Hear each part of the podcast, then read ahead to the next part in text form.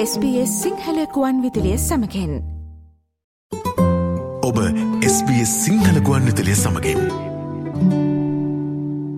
මෙම දශකය අවසන් වන විට මීතෙන් වායු විමෝචනය කප්පාදු කිරීමේ ගෝලිය ප්‍රතිඥාවකට සම්බන්ධවීමට ඇල්බනීසි රජය සූදානම් වනවා. නමුත් එම තීරණයෙන් ගොවීන්ට සහ පාරිභෝගිකයන්ට පාඩුවිඳීමට සිදුවනු ඇතැයි විපක්ෂය අනතුරු අඟවනවා. SBS සිංහල ගුවන් විදුලිය අද දවසේ ඔබ වෙත කෙනෙන කාලීන තොරතුරු විශේෂාන්ගයෙන් මේ පිළිබඳව වැඩිතුර තොරතුරු ඔබ වෙත කෙනීමට අප සූදානම්.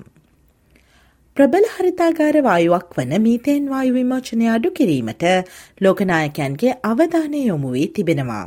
වසර විස්සක කාලසීමාවකදී කාබන් ඩයොක්සයිඩ් වායුවමෙන් අසූ ගුණයකින් වායුගෝලය උණුසුම් කිරීමේ හැකියාව මීතයෙන් වායුවට පවතිනවා. කාර්මික යුගයට පෙර සිටම පෘථවිගෝලයේ උණුසුම්වීමෙන් තුනෙන් එකකට පමණ මීතෙන් වායුව වායුගෝලයට නිදහස්වීම හේතු වී ඇති බව නිමානය කෙරෙනවා. ගල්ලංගුරු අපනයනය සම්බන්ධයෙන් ඔස්ට්‍රලියාව ලොව දෙවන ස්ථානයේ පසුවන අතර ලොව ඉහළම මීතෙන් විමෝචකයන් අතරද ඔස්ට්‍රලියාව සිටිනවා. මීළඟ දශකය තුළ මීතෙන් විමෝචනය සයට තිහකින් අඩු කිරීම සඳහා එක්සත් ජනපදය ප්‍රමුඛව සිදු කරන ගෝලිය බලපෑමට ඇල්බනීසි රජයද එක්වීමට නියමිත වනවා. ඒ අනුව ලබන මාසයේ ඊජිප්තුවේ පැවැත්වන දේශගුණික විපරාස පිළිබඳව එක්සත් ජාතීන්ගේ සම්මුතියේ පාර්ශව සහභාගී වන කොප් විසිහත දේශගුණික සමුළුවට ඔස්ට්‍රලියාවේ පරිපාලන නිලධාරීන්ද සහභාගී වනු ඇති. ටොන්ජන් ඔස්ට්‍රලයානු ආගමික දර්ශනවාදියෙකු වන ගරුතර ආචාරය කටලීනට හා විලියම්ස් වැනි ආගමික නායකයන් දැඩි දේශගුණික ප්‍රතිපත්ති ඉල්ලා සිටිනවා. ඔස්ට්‍රලියාව වැනි රටවලට දේශගුණික විපඩාසය බලපාන ආකාරය ගැන සියලු තොරතුරු ජනතාවට ලබාදිය යුතු බවත් එමගින් ජනතාවට එය තමන්ගේ ප්‍රශ්නයක් ලෙස දැකිය හැකි බවත් ඇය පවසනවා.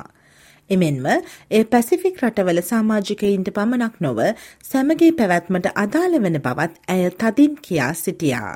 I want to say that Australia is really impacted by this and other countries like Australia. So we should say very loudly and give all the facts and details of how climate change is impacting countries like Australia so that people can own it as our problem. It is, it is survival for all of us Not just for members of the Pacific nations. And I want to say that strongly. ඔස්ට්‍රේලියාවේ මීතෙන් විමෝචනයෙන් දළ වශයෙන් සියයට හතලින් සටක් සඳහා පශු සම්පත් කර්මාන්තය වග කිව යුතු වෙනවා. මෙම ගෝලිය ප්‍රතිඥාව සපුරාලීමට ඔස්ට්‍රලියාවේ කැපවීම පෙන්වීම සඳහා ඔස්ට්‍රලියාවේ පශු සම්පත් කර්මාන්ත ක්ෂේත්‍රය විසින් දෙදහස් තිහ වසර වන විට කාබන් විමෝචනය මධ්‍යස්ථ කිරීමට ඉලක්ක කර තිබෙනවා. කෘෂිකර්මා මාත්‍ය මුරී වොට් පවසන්නේ විදිමත් නිවේදන නිකුත් කිරීමට තවමත් ඉක්මන් වැඩි නමුත් මෙම මීතයෙන් වායු විමෝචනය අඩු කිරීමේ ප්‍රතිඥාවට සිය සහයෝගය ඇති බව තමන් තහවුරු කරන බවයි. Our government is considering signing up to the Global Methane Pledge, and we've been consulting farm and industry groups about this for some time now. පසුගිය වසරේ කොප් විසිහය දේශගුණික සමුළුවේදී එක්සත් ජනපදය විසින් මෙම මීටෙන් වායු විමෝචනය අඩු කිරීම සම්බන්ධ ගනුදෙනුව මෙහෙවනු ලැබවා. නමුත් ඔස්ට්‍රලියාවේ පසුගිය රජය මෙම ක්‍රියාව මගින් දරුණු ප්‍රතිවිපාක ගෙන දෙන බවට අනතුරු අඟවමින් ඊට විරුද්ධත්වය පල කලා. හිටපු නැශනල් පක්ෂයේ නායක බානබී ජොයිස් කියා සිටින්නේ මෙම ඉලක්කය සපුරාල්ලිය නොහැකි එකක් වන බවයි.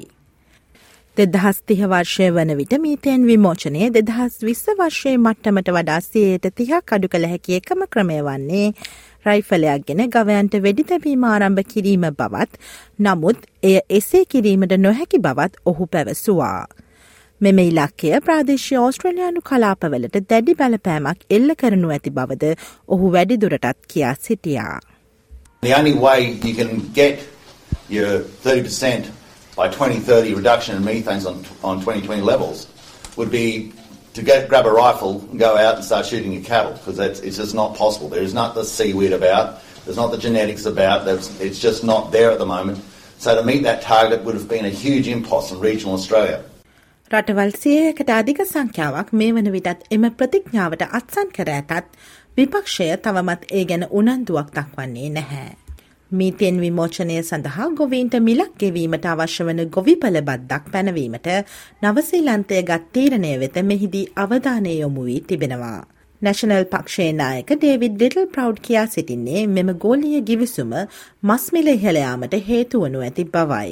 Uh, and this commitment to a 30% cut to methane emissions effectively will put an end to barbecues because this is going to drive the cost of your food, your meat, up. Uh, effectively, New Zealand's done this. They've signed up. They're putting a tax on their farmers, and farmers in New Zealand can expect to pay around $13,000 each. Now, they're going to pay that and pass it on to you, the Australian consumer.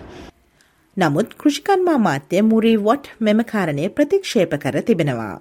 මීට පෙර පැවති රජය විසින් ගෝලිය මීතයෙන් ප්‍රතිඥාව ගැන බියගැන්වීමේ ව්‍යාපාරයක් ගෙන යමින් ජනතාව නොමග යවා ඇති බවත් එමගින් පශු සම්පත් ප්‍රමාණය අඩු කිරීම වැනි දෙයක් සිදු නොවන බවත් ඔහු මෙහිදී කියා සිටියා.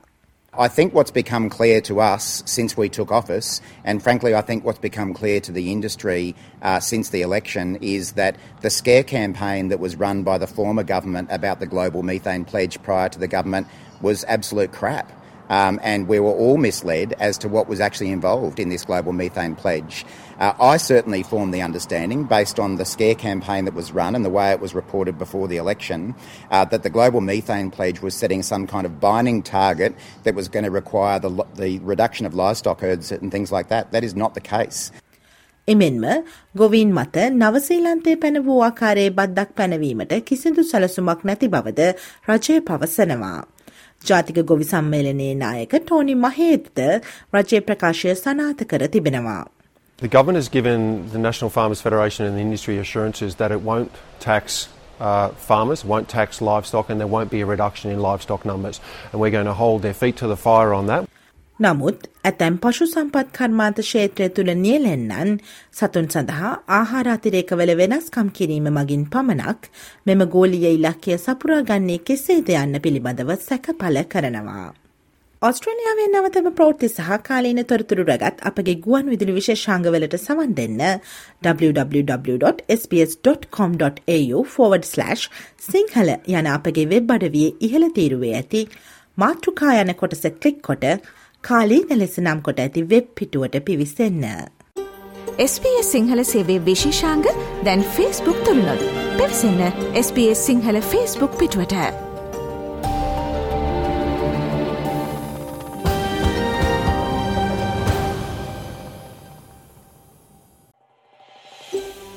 මේ වගේ තවත්තොරතුරු දැනගන්න කැමතිද. එහෙමනම් Apple podcast Google podcast Spotify ඔබගේ පොඩ්කාස්ට ලබාගන්න ඕනෑම මාතයකින් අපට සවන්දය හැකේ.